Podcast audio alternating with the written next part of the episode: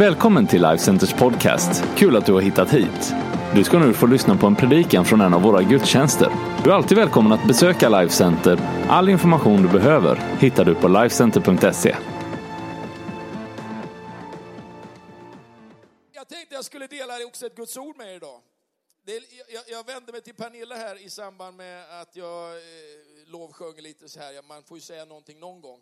Inte bara till Jesus utan till kompisen. Och, och, och jag sa så här, idag känns det som att det är eh, pappa lite som ska tala till familjen, och, eller farsan till familjen. Och, om du tycker att det är en jobbig bild, brodern till brodern eller brodern till systern.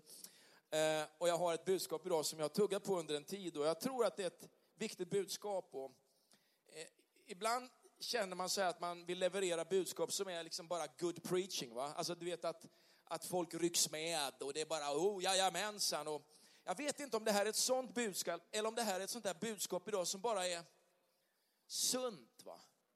hälsosamt, lite reflekterande bra. Va? Du vet så här som man, när man, man sitter ner och har ett familjeråd, det är inte liksom alltid samma sak som att nu är vi på beachen va? och så är det bara glass, utan det är bara att det är bra. Va? Det, det, det, det är hälsosamt bra. Och kanske är det en sån typ av predikan idag som jag har kallat för en överlägsen väg en överlägsen väg. Och jag har en bra predikan ikväll också klockan 18.00 som är, alltså den är, den är också väldigt, väldigt bra. Eh, och jag hoppas att du kan eh, skrapa loss lite tid och vara med ikväll och göra en bra gudstjänst tillsammans med oss. För jag tror också att jag har ett budskap som Gud har gett mig tills ikväll. En överlägsen väg. Vi ska slå upp Johannes evangeliums 17 kapitel. Johannes 17. Du vet, det här är ju precis före Jesus kommer att bli förrådd och han ska gå till korset och dö för mänsklighetens synder. Och han ber sin, det man brukar kalla för hans överste prästliga förbön. Han ber för sina lärjungar. Och så säger han så här när han ber i vers 20 och 21, Johannes 17. Men jag ber inte bara för dem, alltså hans lärjungar. Jag ber inte bara för mina lärjungar, utan också för dem som kommer att tro på mig genom deras ord. Jag ber att de alla ska vara ett och att de ska vara i oss, liksom du far är i mig och jag i dig. Då ska världen tro att du har sänt mig. Jag ska läsa det här på engelska också för eh, dig som är eh, engelskspråkig här. Eh, Neither pray I for these alone, but for them also which shall believe on me through their word, that they may be one. Even as we are one, I in them and thou in me, and they may be made perfect in one, and that the world may know that thou hast sent me. Det är fantastiska ord va? som talar om liksom en enhet som övergår allt vad vi som människor ibland kan formera i bara egen kraft och egen vilja. Så att det handlar om Gud och människa men också Gud genom människan till en annan människa. Alltså att Gud i dig till en annan människa som också har med Gud att göra, som är någon form av hemlighet va? omkring hur den här världen ska uppleva vem Jesus är och förstå vem han är. Eh, under, under många, många år va, så har ju kyrkan kommit upp med en mängd olika initiativ och tankar för hur man ska evangelisera den här världen, alltså att nå den här världen med budskapet om vem Jesus är. Alltså vi har ju kommit upp med alla möjliga härliga strategier. Jag kommer så väl ihåg när jag, när jag liksom som ung evangelist gick ut på fältet som man sa, alltså jag började jobba i kyrkan på, på riktigt då. Och så min pappa eh, var pastor där, jag började i hans kyrka. Sen flyttade han efter något år och, och, och lämnade allt där. Liksom. Och jag, jag, alla kollegorna slutade också. Jag var ensam kvar. 21 år i en kyrka liksom på 700-800 medlemmar med fyra utposter. Va? Och jag kan tala om för dig att man fick lära sig vad predikan innebar. Va? Och att svettas och att åka mycket bil. Och att tro att Gud hade gett dig ett ord, va? fast du var bara rookie. Va? Men jag frågar honom så här, vad ska man, hur ska jag göra? Vad, vad, vad, vad vill du vi ska göra? Och sa, allt som får människor att tro på Jesus. Allt! Jag struntar i om du står på huvudet, vad du än gör, bara du gör någonting så att människor får uppleva vem Jesus är. Och, och, det där har väl varit lite av ett spår hos kristenheten, att, att vi har sökt vägar, planer, kartor, strategier, olika sätt och vi har samlat in mängder av pengar för att evangelisera och ibland har vi till och med blivit så systematiska i vårt sätt att göra saker att vi har tagit koll på all glädje om man kring att göra det faktiskt. Hallå? Var inte helt chockad nu alltså. Ibland har vi varit så systematiska att vi har dödat hela inspirationen va, för att göra det. Vi vet att det är rätt, men vet, vem älskar någon bara mekaniskt? Va?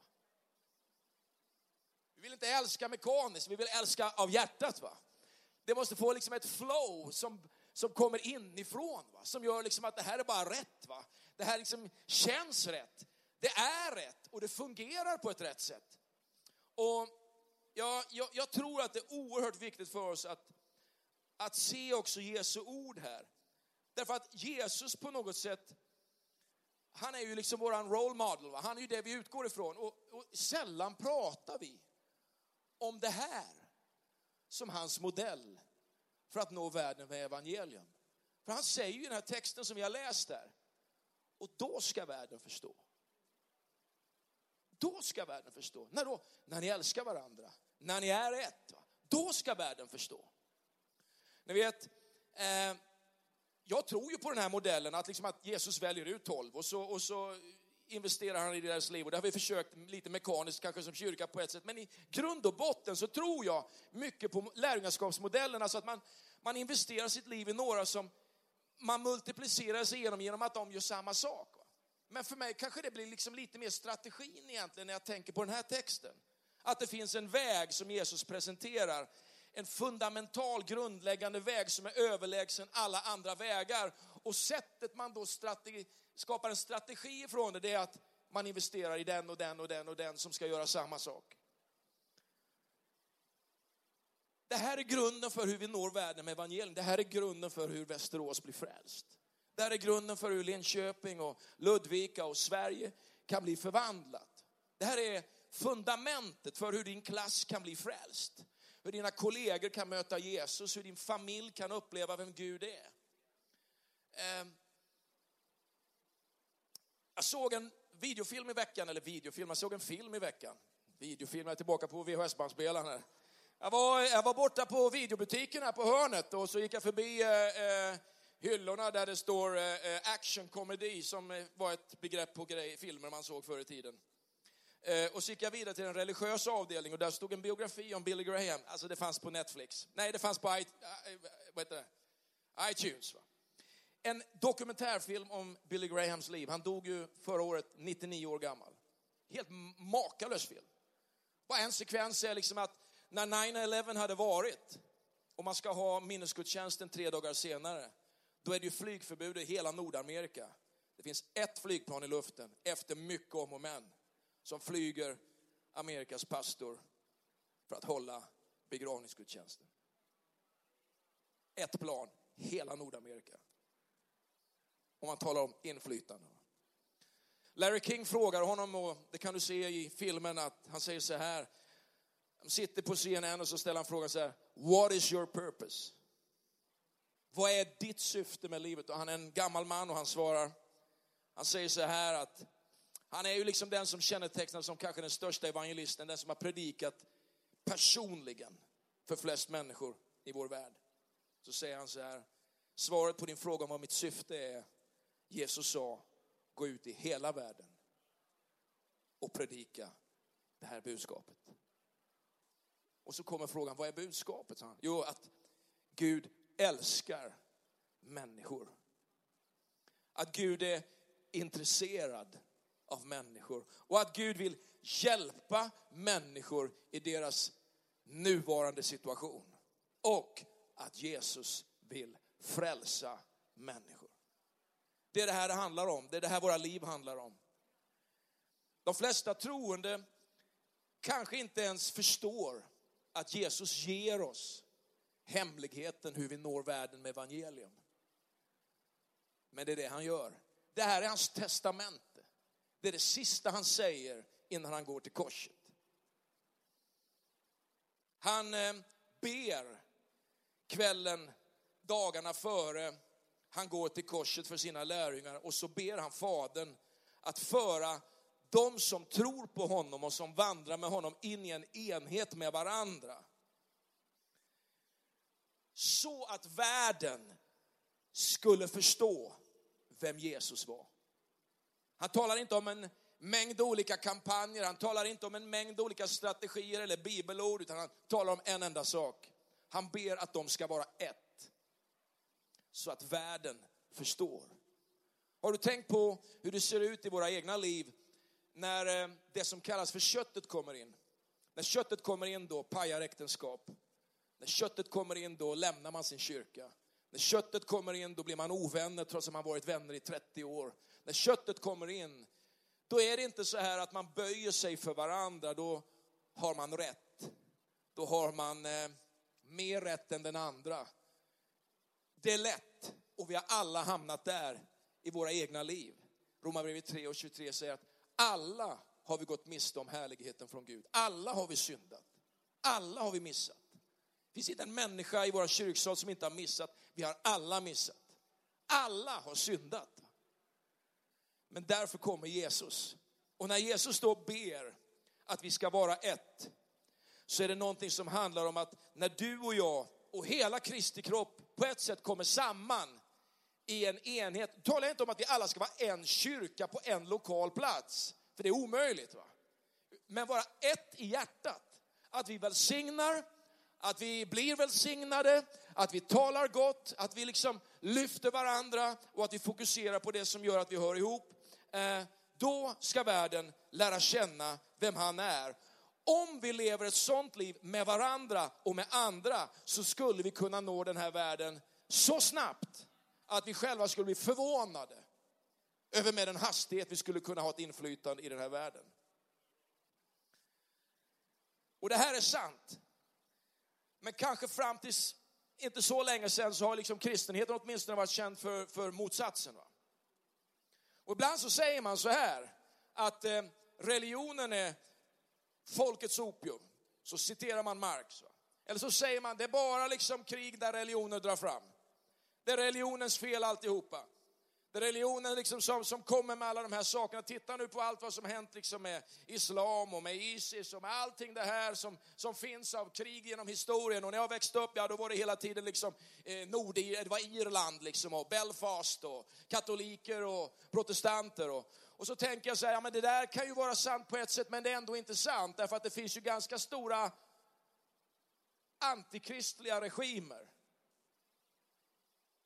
som inte direkt har varit liksom så vänliga vid sitt folk. I alla fall inte när man reser i Gulag, liksom i norra före detta Sovjetunionen och tänker på alla miljoners kristna som satt i fångläger där, eller Nordkorea eller Kina, alla de ateistiska staterna. Det känns inte riktigt som att det är religionens fel utan det är människans kött va? och människans synd, människans uppror, människans dedikerade överlåtelse till att söndra och att förstöra. Som egentligen är ett redskap i våran fiendes hand, som är orsaken till att allt det här skräpet händer i världen, all den här ondskan. Men det Jesus kommer med är någonting radikalt annorlunda. Det Gud kommer med någonting radikalt annorlunda. Och de här få minuterna vi har kvar tillsammans så skulle jag ägna mig åt det. Allt det här jag-fokuset, me-fokuset.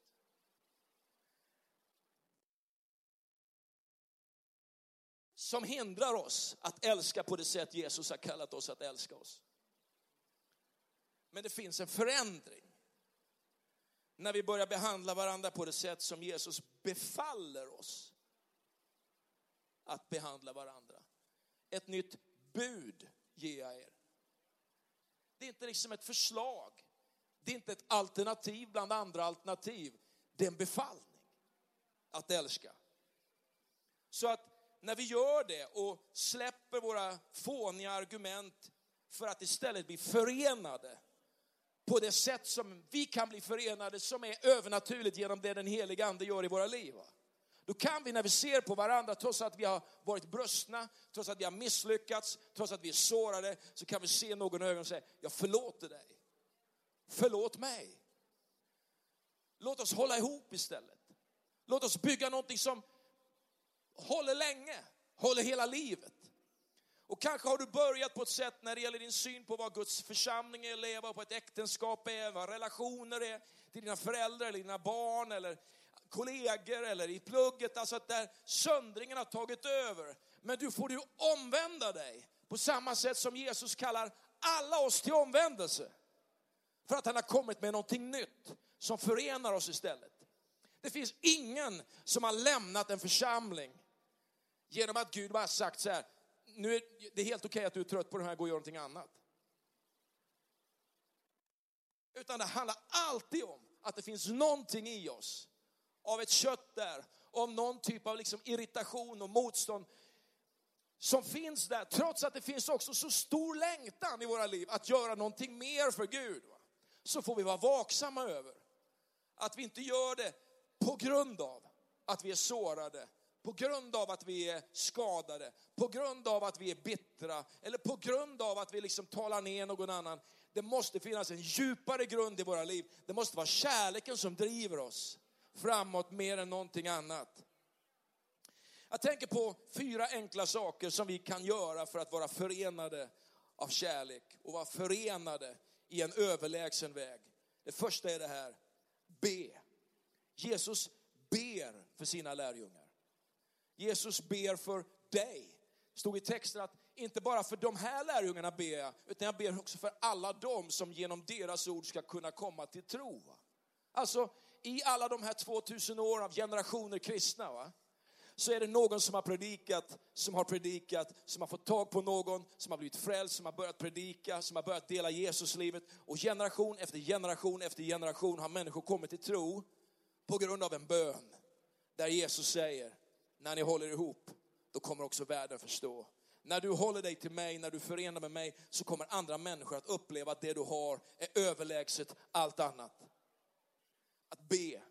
Och när Jesus ber för dig, så vill han inte bara att den bönen ska liksom vara en liten sån här halvflummig religiös sak. Va? Utan han ber att det ska vara enhet över deras liv. Låt oss be om enhet va? i våra familjer, i våra gemenskaper, i våra team, i våra lag, i våran vardag. Låt oss be om enhet i Sverige, låt oss be om enhet i politik, låt oss be om enhet liksom i företagande. Låt oss be, om en... låt oss be att folk håller ihop. Va? Låt oss be att folk håller ihop. Vi kommer alla ifrån sammanhang där något har brustit. Va? Men låt oss be att Gud hjälper oss att hålla ihop på bästa sätt. Skolan, teamet, arbetsplatsen, staden, nationen, samhället. Låt oss be att det inte söndras utan att det håller ihop. Det andra är det här, att vi tar emot. Det stod i vers 22 här i, i kapitel 17 i Johannes evangelium. Och den härlighet som du har gett mig har jag gett till dem. Det står glory på engelskan. The, the glory, the glory I've been, I've been given, that I have. Den härlighet som jag har som finns hos mig och som finns i Fadern, den härlighet som finns i Gud, den har jag gett till dem. För att de ska vara ett. Alltså verkar det som att när Gud fyller oss med sin härlighet, va, då håller vi ihop. Och att det verkar som att när Gud fyller oss med sin härlighet så är det förutsättning för att vi kan hålla ihop. Och det här med härlighet är ju ett ganska eh, intressant begrepp. Va? Härlighet eller glory. Vad, vad betyder det? Jo, det, det står talas här om att, att det finns någonting i våra liv som vi har missat. Va?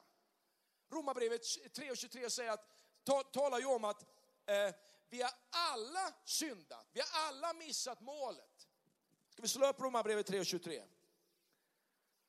Old school här nu, bläddrar i Bibeln. 3.23.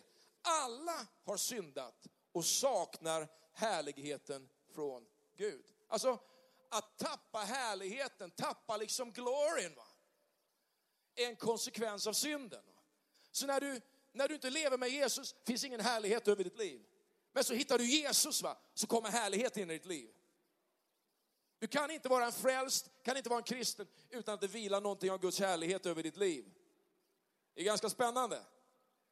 Och då vill man ju veta, vad är härlighet då? Vad handlar det här om? Vad handlar det om? Varför ger oss Jesus sin härlighet? Jo, därför att vi hade förlorat den och han ville upprätta den. Men det står ju också i Guds ord att all äran, all härlighet till Gud. To God belongs the glory, all glory to God. Det är bara han som är, hans är härligheten. Hur kan, hur kan vi vara bärare av det här om den bara tillhör Gud? Hänger du med mitt resonemang? Om den bara tillhör Gud, hur kan vi ha del av den? Jo, när man tittar på det här med härlighet va, så är det ju så här att härlighet, det är, det är Guds egenskaper. Den Gud är. Det han står för. Det är Jesus. Det är evangeliet. Synliggjort. Det är synliggjort. Vad var det som ledde Israels folk ut ur Egypten och genom öknen? Det var ju en molnstod om dagen och en eldstod om natten. Alltså Guds härlighet gick framför dem. Och vad var det som uppenbarade sig i deras mobila tältkyrka? Guds härlighet. Va? Guds Shekinah glory. Guds kabod. Hebreiska och grekiska. Den sänktes ner och när den sänktes ner, va, där var Gud. Va? Så att Guds härlighet, när den blir synlig, när den blir uppenbarad, om jag använder ett ord, på ett synligt sätt, genom evangeliet, genom Jesus, genom de som tror på honom, då är det Gud med oss. Så när jag tittar på min bibel så ser jag liksom att det finns framförallt två saker som man kan se Guds härlighet på. Bibeln upp, uppenbarade eller visade som för det första ljus. Va? När Guds härlighet kommer så är det ljus. Det blir ljust. Mörkret avslöjas. Vad det Jesus säger i Matteus 5, bergspredikan. Ni är världens ljus. Man sätter inte ljuset under skeppan. Ni är världens ljus. Ni är en stad på berget. Alltså staden man ser. Ni är det man ser. Men han talar också om att eh, det finns en helighet och någonting som är av tyngd. Va? I det som har med härlighet att göra. Alltså när Gud uppenbarar sig, när han visar sig. Alltså det som är signifikant, det som är Guds kraft. Guds härlighet kom. Och det uppenbarar sig och visar sig bland annat när vi tillber Gud. Va? När vi står här och lovsjunger Gud. Då vill Gud komma med sin härlighet över våra liv. Va? Det är därför Jesus, om du läser första Korinthierbrevet där det står talas om nattvarden, så står det, eh, då säger Paulus att eh, om någon har någonting emot någon annan, va? vad ska man göra då? Jo, men då ska man göra upp. va? Så man sen kan komma till bordet liksom och fira nattvard på ett annat sätt. Va?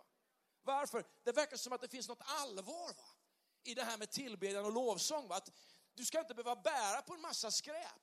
Du ska inte gå omkring med en massa grudges och massa ouppklarade saker. Gör klart det och kom till Herrens bord och börja tillbe honom. Därför att det finns en helighet hos Gud. Va? Gör inte vad som helst med ditt liv. För annars, står det, så drar du liksom en, en, en dom över ditt liv. Det står därför är det så många som är sjuka ibland er och inte, en, och inte en, två har avlidit, står det. Alltså, det verkar som att, utan att skrämma dig, va, så verkar det som att, för det är inte mitt mål nu, utan mitt mål är liksom att, att hjälpa dig. Va? Att det verkar som att det finns något kopplat med Guds härlighet som har med att Gud han vill göra mirakel i våra liv. Va? Han vill bevara oss. Va? Så när vi tillber honom så finns det liksom en, en tyngd i den tillbedjan, någonting som är heligt och någonting som är liksom Gud till oss. Va? Som gör att, att våra liv blir annorlunda. Du är annorlunda. När ibland säger det är ingen skillnad på mig och någon annan. Det är jätteskillnad. Det är härlighet i ditt liv. När du rör vid saker, inte bara vad som helst som rör vid saker. När du får en idé, inte bara vilken idé som helst. När du får liksom en, en, en, en, en, liksom en passion för någonting, inte vilken passion som helst. Du lägger Guds härlighet till det. Va? Och det gör att när du räknar med det, när den heliga ande får jobba med det, så händer någonting i ditt liv som är helt fantastiskt. Orkar ni med en stund till? att tala tio minuter till då.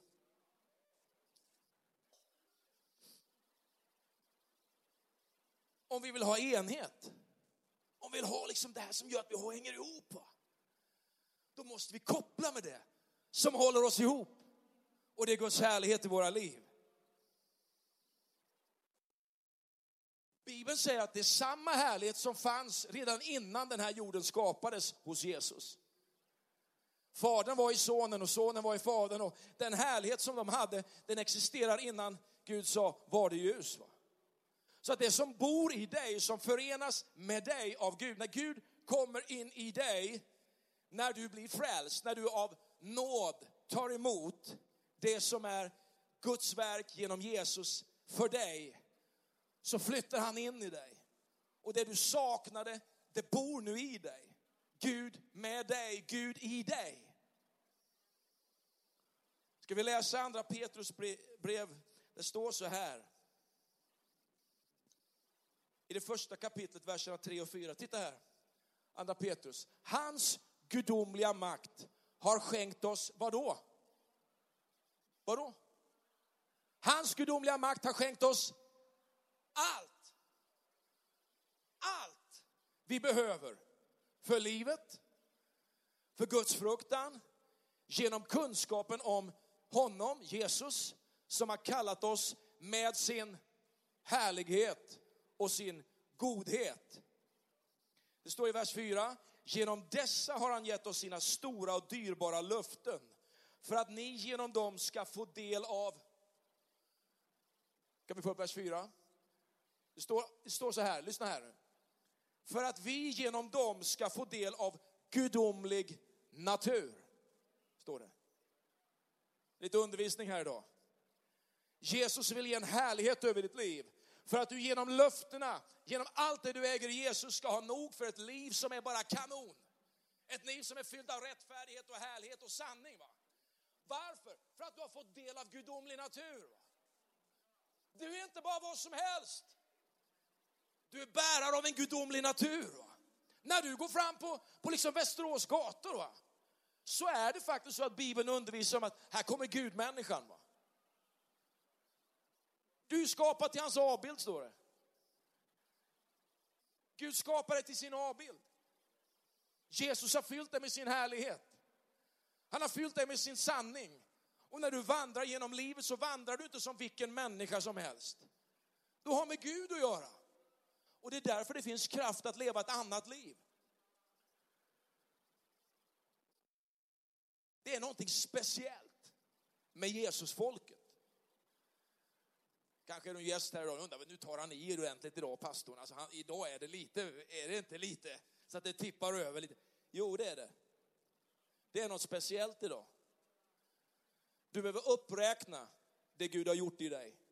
Du behöver uppvärdera det du har fått placerat i dig. För att det är med den kraften du kan förlåta som ingen annan kan förlåta. Det är med den kraften du kan älska som ingen annan kan älska.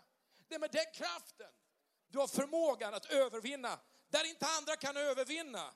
Det är den kraften, det är den härligheten, det är den makten i dig som förmår att vara med om det som är omöjligt och se det bli möjligt. Come on! Jag älskar det här.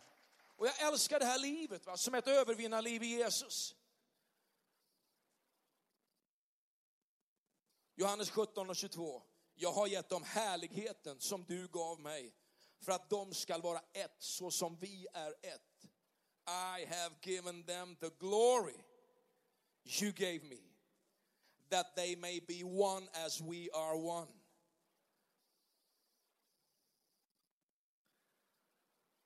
Då ska världen förstå att du har sänt mig. Då ska världen förstå att du har sänt mig. Du vet, det här är ju en sån kärleksrevolution. va? Du vet, när man, när man bara talar kanon om varandra. Vet du.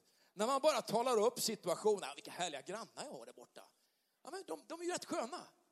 Och emellan dem så bor en kille som fyller 60 år i fredags. så jag var inne hos honom och gav en present och, och, och, och, och pratar om alla härliga grannar som vi har. Ja, det finns ju några där borta som är med i den här kyrkan nu med. Ja, de är jättehärliga. Ja, de också. Ja, de är också härliga. De är också härliga. Alltså, när vi talar upp kyrkorna, fantastiskt, jag åker förbi Oxbacken och har firat 100 år. Tänk att orka vara kyrka i 100 år. Men du vet, vi, vi, vi ska orka, vi har orkat vara kyrka i 2000 år. Tänk när Life Center fyller 100 år, då är jag död sedan länge. Eller för att, för att citera Billy Graham då, eh, hans son sa på begravningen så här att, att eh, om någon säger att Billy Graham är död, har han sagt till sin grabb, då ska du inte tro dem. Aldrig tro dem, för jag är mer levande än någonsin. Det fanns en sång när jag växte upp som vi sjöng i söndagsskolan som heter Jag skall, jag skall, jag skall aldrig dö. Nej, som ett träd planterad i mitt vatten. Jag skall aldrig dö. Va? Jag skall aldrig dö. Det finns något evigt i oss som är helt suveränt. Så vad är härligheten i dig enligt Bibeln? Jo, den är den här. Härligheten som Gud ger, det är alltså Guds egenskaper synliggjorda. När du älskar någon, när du gör någonting för Gud så är det Gud som blir synlig. Det är Jesus, är Guds härlighet. Så när vi går, på, går till Jesus, va? ah, sån är Jesus och Jesus i mig, det är Guds härlighet. För han visar vem Gud är. Men det är också evangeliet. va? Det är det här som har kraften att förvandla människors liv. Läs det som har explosionskraft. Läs det som förvandlade förra Östeuropa. Bibeln. Läs det som har förvandlat mitt liv. Läs det. Men det är också härligheten synlig i oss som tror och tar emot frälsningen. Det är ett härligt folk i Life Center. Det är ett riktigt härligt gäng. Man skulle nästan kunna bli lite göteborgare och säga, de är riktigt checka där borta i Life Center. De är härliga där. Det är både härliga och heliga. Vi är härliga, vi är heliga och vi har med Gud att göra. Två punkter kvar och de blir superkorta. En minut var. Det tredje är, rör på dig. Handla, move. Du ska inte bara be, du ska inte bara ta emot härlighet, du ska sätta dig i rörelse. Du vet, Jesus bad inte bara, utan han handlade på sin bön för enhet. Kärleken är tålmodig och mild. Första Korinthierbrevet 13. Det avslutas så där i vers 7 att allt bär den, allt tror den, allt hoppas den, allt uthärdar den. Kärleken är action. Vi älskar inte bara i ord, vi älskar i handling. Come on somebody. Det här är det vi gör. Det är det här som kännetecknar Guds folk. Det var så härligt, jag var på gymmet igår kväll och, och, och, och Ulrika varit lite så här lite hängig och, och hostig. Och, jag kände bara, måste vara ut.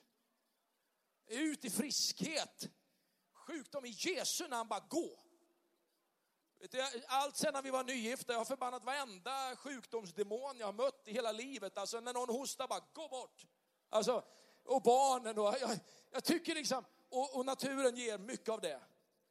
Det, det, det är liksom att vara ut. Va? Så gick jag in då på ett gym. Va? Så stod, hade, hade jag kört några olika övningar. Jag var trött vet du, så bara på kvällen. Och, och lite ont någonstans. Och bara, jag måste stretcha lite här borta. Lite mjuka övningar. Så, så var det en kille som, som var där, jag ska inte säga vad han heter, men han biffig sak som tränare. Alltså inte, inte bara köttberg, utan så här, eller muskelberg, utan bara en, en riktigt, riktigt i formgrabb som sportade och eh, och duktig i sin idrott. Och vi kommer att prata om Jesus och kyrkan här borta som jag är en pastor i. Och evangelisk kraft. Och så kom en kille in från en kyrka här. En av våra nysvenskar. Och de kände varandra verkar det som. Och, och, och, och jag, han introducerade mig för killen ifrån kyrkan. Och, och, och, jag sa, ja men han går till min kyrka. Och så blev det någon spännande grej där mellan dem. Där. Jaha, går du dit? Ja, det, det, det är något av det roligaste jag vet tror jag. Det tycker jag är en mycket spännande upplevelse. Ja, men, så känner man bli kompis med någon och så kommer en, en, en tjej in från kyrkan och så, så säger den här som min nya vän att ja men du vet det här är pastor Per-Johan, han, han, han finns där borta i Life Center och han är jättebra på det här med människor och prata och ja, kul kille. Ja men vi känner varandra för att, för att uh, hon går i kyrkan. Aha. Vi har gått i samma klass i 40 år. Nej men alltså, du vet, det, det, det kan vara farligt att bjuda in pastorn i sina världar ibland. Va? Men det var så ett fantastiskt samtal. Va? Kärleken sitter inte bara still. Kärleken talar. Kärleken gör någonting för grannen. Kärleken hjälper någon. Välkomna upp teamet. Sista punkten, det var en lång minut. Här kommer sista punkten. Tala. Speak. Speak. Börja bekänna att vi som Guds folk hans kyrka, vi kommer att resa oss upp för ett förvandlat Sverige. börja bekänna och börja tala ut att det här är våra destiny, det här är våran framtid. Vi kommer att stå upp i tro och i kärlek. Börja tala ut att vi som Guds folk är ett folk. Vi hör ihop. Vi är en kyrka. Du vet när, när den nytestamentliga församlingen har lite strul va, så kommer liksom aposteln, han talar till dem att, han säger liksom, eh, sluta hålla på med det där. Ni är ett. Ni hör ihop. Tala gott om varandra. Så inte in en massa splittring. Ta inte emot en massa människor som, som, som sår in en massa liksom division emellan er, utan tala det som bygger. Tala det som liksom förenar. Tala trons språk. Tron övervinner. Tron. Now watch me. Just watch me. Låt oss ha blicken fäst på Jesus, trons upphovsman och fullkomnare. Gör det. Blicka på Jesus i situationer. Möter en människa som är sjuk, som går igenom en kris, har det svårt i plugget, någon som har blivit utslängd hemifrån. Tala tro. Tala tron på Jesus. Låt oss ha blicken fäst vid honom så att vi inte tappar modet och ger upp. Låt oss ha blicken fäst på Jesus. Tala tro igenom allt det som du går igenom. Vet fienden, Satan, han vill att vi ska sluta. Men det går inte att sluta. Vi talar Guds ord, vi talar tro och vi sätter en käpp i hjulet för alla hans planer därför att kärleken övervinner. Kärleken förmår, kärleken har kraft och Jesus kan förvandla vilken människas liv som helst. Ska vi stå upp allesammans? Min bibel säger så här i Johannes 3 och 16. Ty så älskade Gud världen att han gav den sin enfödde son för det att var och en som tror på honom inte ska gå under utan ha evigt liv. Det är bara genom Jesus. Det finns bara en dörr, en väg till Gud. Och genom att tro på Jesus blir ditt liv förvandlat. När du kommer till honom, omvänder dig från alla dina misstag, snedsteg, synder, allt det här som separerat dig från Gud och säger Jesus, jag tror på dig.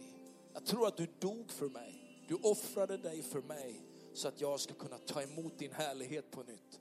Få kontakten med Gud. Då blir du frälst. Då förvandlas ditt liv och du får leva med Guds härlighet över ditt liv. Amen. Amen. Ska vi göra så att vi bara sluter våra ögon och böjer våra huvuden här just nu i våran kyrka i finalen av den här gudstjänsten. Frågar jag dig, vill du ta emot Jesus till ett förvandlat liv? Lämna ditt förflutna till honom och välkomna honom in i ditt liv. Det här är tillfället för dig. En kort stund skulle jag vilja be att du sträckte din hand rakt upp och, och bara sa Jesus, jag tar emot dig. Jag har också en inbjudan efter den som handlar om dig som bara längtar efter mer av Guds härlighet över ditt liv. Att han blir synlig i dig. Att du använder Guds överlägsna väg och plan för att förvandla den här världen. Jag skulle också vilja att du i lovsången i avslutningen av gudstjänsten bara lyfter dina händer och tillber som du aldrig tillbett förr. Att du tar emot honom på ett sånt sätt att han får fylla dig med sin kraft till ett helt nytt, helt nytt nu. En helt ny var är du som vill välkomna Jesus in i ditt liv? Kanske för första gången idag. Ska du bara sträcka din hand rakt upp just nu. Gud välsigne dig. Någon mer? Gud välsigne dig. Någon mer? Vad är du som vill komma hem igen? Ska du bara sträcka en hand rakt upp? Du har strulat, du har missat och du har tappat målet. Men du vill komma hem igen. Ska du bara lyfta din hand just nu? Det här är ett tillfälle för dig att bara välkomna dig hem igen till Jesus. Som aldrig visar bort någon utan alltid välkomnar oss hem. Gud älskar, Gud förlåter, Gud upprättar, Gud ger ny kraft. Bara lyft din hand rakt upp just nu. Det här är ditt tillfälle idag. Gud välsigne dig, Gud välsigne dig. Någon mer? En ny start, en ny morgondag. Här just nu ska vi lovsjunga nu tillsammans och som Guds folk, tillsammans med våra team.